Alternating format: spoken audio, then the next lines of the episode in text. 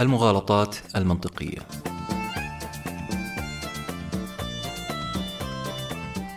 هل سبق وانت بتتناقش مع أحد زملائك أو أصدقائك أو أقاربك كان نفسك تقول له كل كلامك خطأ لكن لم تستطع أن تقول هذه العبارة لسبب بسيط أنه معلوماته كلها صحيحة لكن أنت في قرارة نفسك تجد أنه رأيه هذا خاطئ.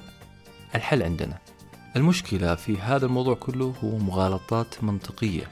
المغالطات المنطقية هي عبارات صحيحة في محتواها لكن طريقة الاستدلال من هذه المعلومات طريقة إدراج هذه المعلومات طريقة التنقل من معلومة لمعلومة فيها خطأ منطقي كبير جدا.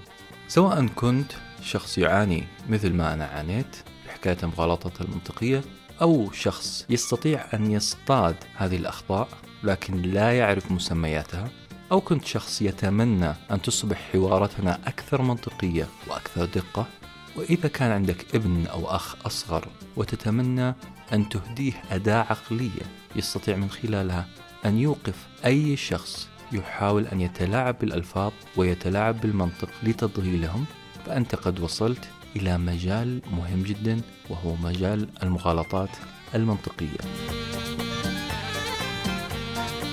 المغالطة رقم واحد slippery slope أو المنطق المتزحلق. في بعض المواقع سموها مغالطة سد الذرائع وهي باختصار شديد جدا يجيك واحد يقول إذا حصل ألف بالتأكيد سيحصل باء أي إذا حصلت ظاهرة معينة وانتشرت فإن كارثة ستحصل بسبب هذه الظاهرة.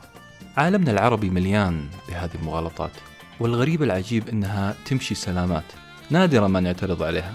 السؤال المفصلي هنا ما دليلك على أن حصول ألف سيتسبب في حصول باء؟ لن تجد هذا الشخص يعطيك إجابة شافية. ليه؟ لأنه مجرد استنتاج شخصي، تخمين أو تشاؤم.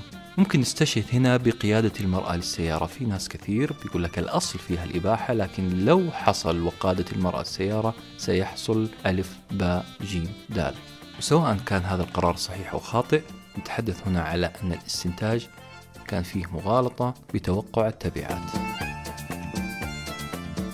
المغالطة رقم اثنين المحاججة بالصح والخطأ على أساس الأصل.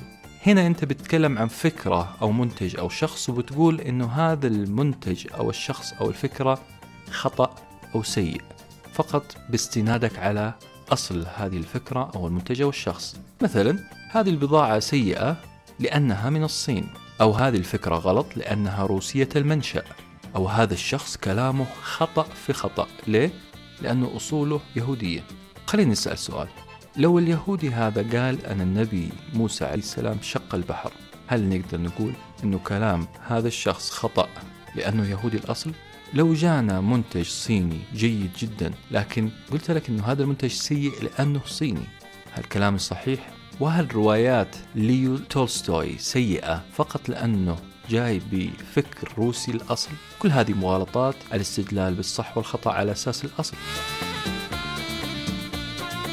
مغالطة اللعب بكرت الأغلبية أباطرة العلاقات العامة وصناع البروباغندا والتسويق يستخدمون هذه المغالطة. أشهر عبارة اللي هي كل الناس بتسوي كذا. كون كل الناس اختاروا قرار ما لا يعني أنه قرار صحيح. الحجة في ذاتها لم تثبت صحتها من خطأها. بكل أسف أنا من الأشخاص اللي بيستخدم هذه الطريقة. فليصفع عني أصدقائي. لكن أنا متأكد أنهم حيعذروني إذا قلت لهم أنه كل الناس تستخدم هذه المغالطة. المغالطة الرابعة مغالطة الرجل المصنوع من القش أو سترومان فالسي خليني أتخيل أنه أحد أصدقائي قال جملة.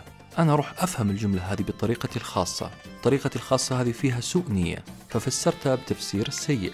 وأروح للناس وأفهمهم أن كلام القائل هو تفسير السيء مثلا قال صديقي إحنا لازم نزود ميزانية التعليم والصحة. رأيه الخاص.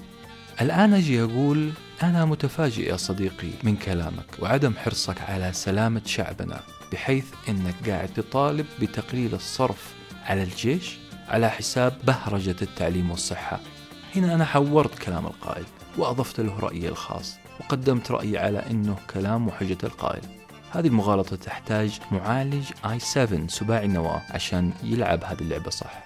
كذلك تحتاج معالج أقوى منه عشان تصيد هذه المغالطة. المغالطة رقم خمسة الشخصنة. هذه المغالطة كثير كثير كثير جدا منتشرة وهي الهجوم على الشخص لا على الفكرة. بلا صح أقول للشخص كلامك خطأ لأنه فيك عيب في شخصيتك. كلامك خطأ لأنك عملت فضيحة زمان. كلامك خطأ لأنه مشهود عنك بأنك تفعل كذا وكذا وكذا. هل تتذكر في برنامج الحوارات الساخنة واللي تترامى فيها الكراسي على الضيوف وعلى المصورين أحيانا هل تتذكر واحد يقول للثاني طبيعي أن اقتراحك خطأ ألست من التجار الفاسدين في البلد؟ هنا نسأل إيش علاقة الاقتراح بفساد التاجر؟ أيا كان القائل قد يكون كلامه أو جزئية من كلامه صحيحة التشكيك في الأجندة خلف كلامه لها باب وجواب آخر غير المنطقي المغالطة السادسة مغالطة السؤال الملغم.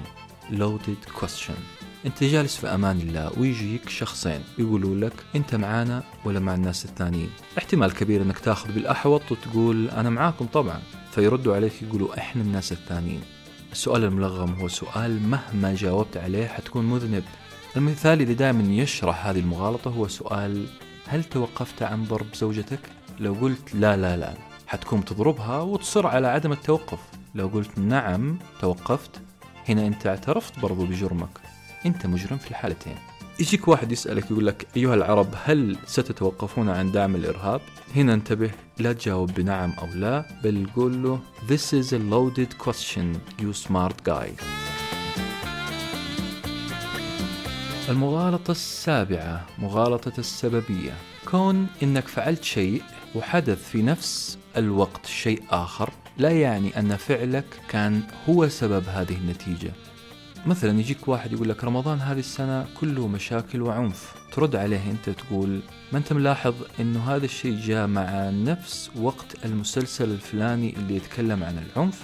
ممكن ينقز واحد ثالث ويغالط ويقول أجل أكيد عنف ومشاكل رمضان لهذه السنة سبب هذاك المسلسل.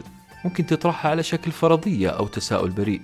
أو حتى تدرسها في دراسة تلازمية أو ارتباطية اللي هي correlation study. ولذلك الأصح والأحرى أن تقول التالي وجدت أنه كلما زاد ألف زاد باء. إذا هناك علاقة طردية وليست علاقة سببية. المغالطة السابعة مغالطة الأبيض والأسود. ببساطة هنا أجيك وأتكلم عن مشكلة كبيرة جدا تواجهني أنا وأنت. بعدها أقدم لك حلين وأقول لك الحل إما واحد أو اثنين. على أي أساس حكمنا أنه في حلين فقط للمشكلة؟ ممكن يكون في حل ثالث رابع أو خامس. راقب منطق محدثك وانتبه لو قدم لك خيارين فقط وطلب منك اختيار واحد من هذه الخيارين. ببساطة قل له أنا مع اختيار ثالث. وافتح خط جديد على مزاجك. المغالطة الثامنة مغالطة السؤال المركب.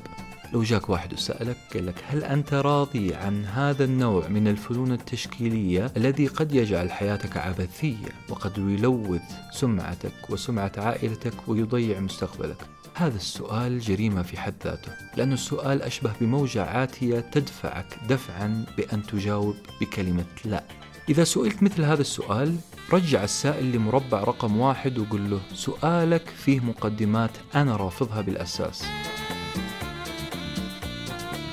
المغالطة الأخيرة مغالطة أصل الكلمة etymological fallacy. المغالطة هنا بالضبط تعتمد على أن الشخص يحاول أن يثبت عليك شيء من خلال الرجوع لأصل الكلمة أنت استخدمتها. كلمة فظيع بنستخدمها استخدام دارج جدا. أصل الكلمة شيء سيء ولكن استخدامنا الدارج بمعنى رائع ممتاز وأكثر من رائع وممتاز. فإذا أراد الزوج أن يغالط مغالطة من هذا النوع فسيغضب من زوجته لاستخدام كلمة فظيع. وإذا كانت الزوجة تريد أن تتلكك لزوجها وتغالط بهذا النوع من المغالطات فستدقق في كلمة فظيع. سيغضب هو عليها لأنها قالت أن كلامه فظيع وهي ستغضب إذا قال لها مكياجك فظيع. أحسن النية في بعض. هذه بضعة مغالطات فقط. من مجموعة كبيرة جدا موجودة في كتاب جميل مدعم بالصور والأمثلة البسيطة ينفع كمدخل للمغالطات المنطقية كتاب بعنوان An Illustrated Book of Bad Arguments. كان معكم محدثكم أبو خالد أتمنى لكم عيدا سعيدا خاليا من المغالطات المنطقية.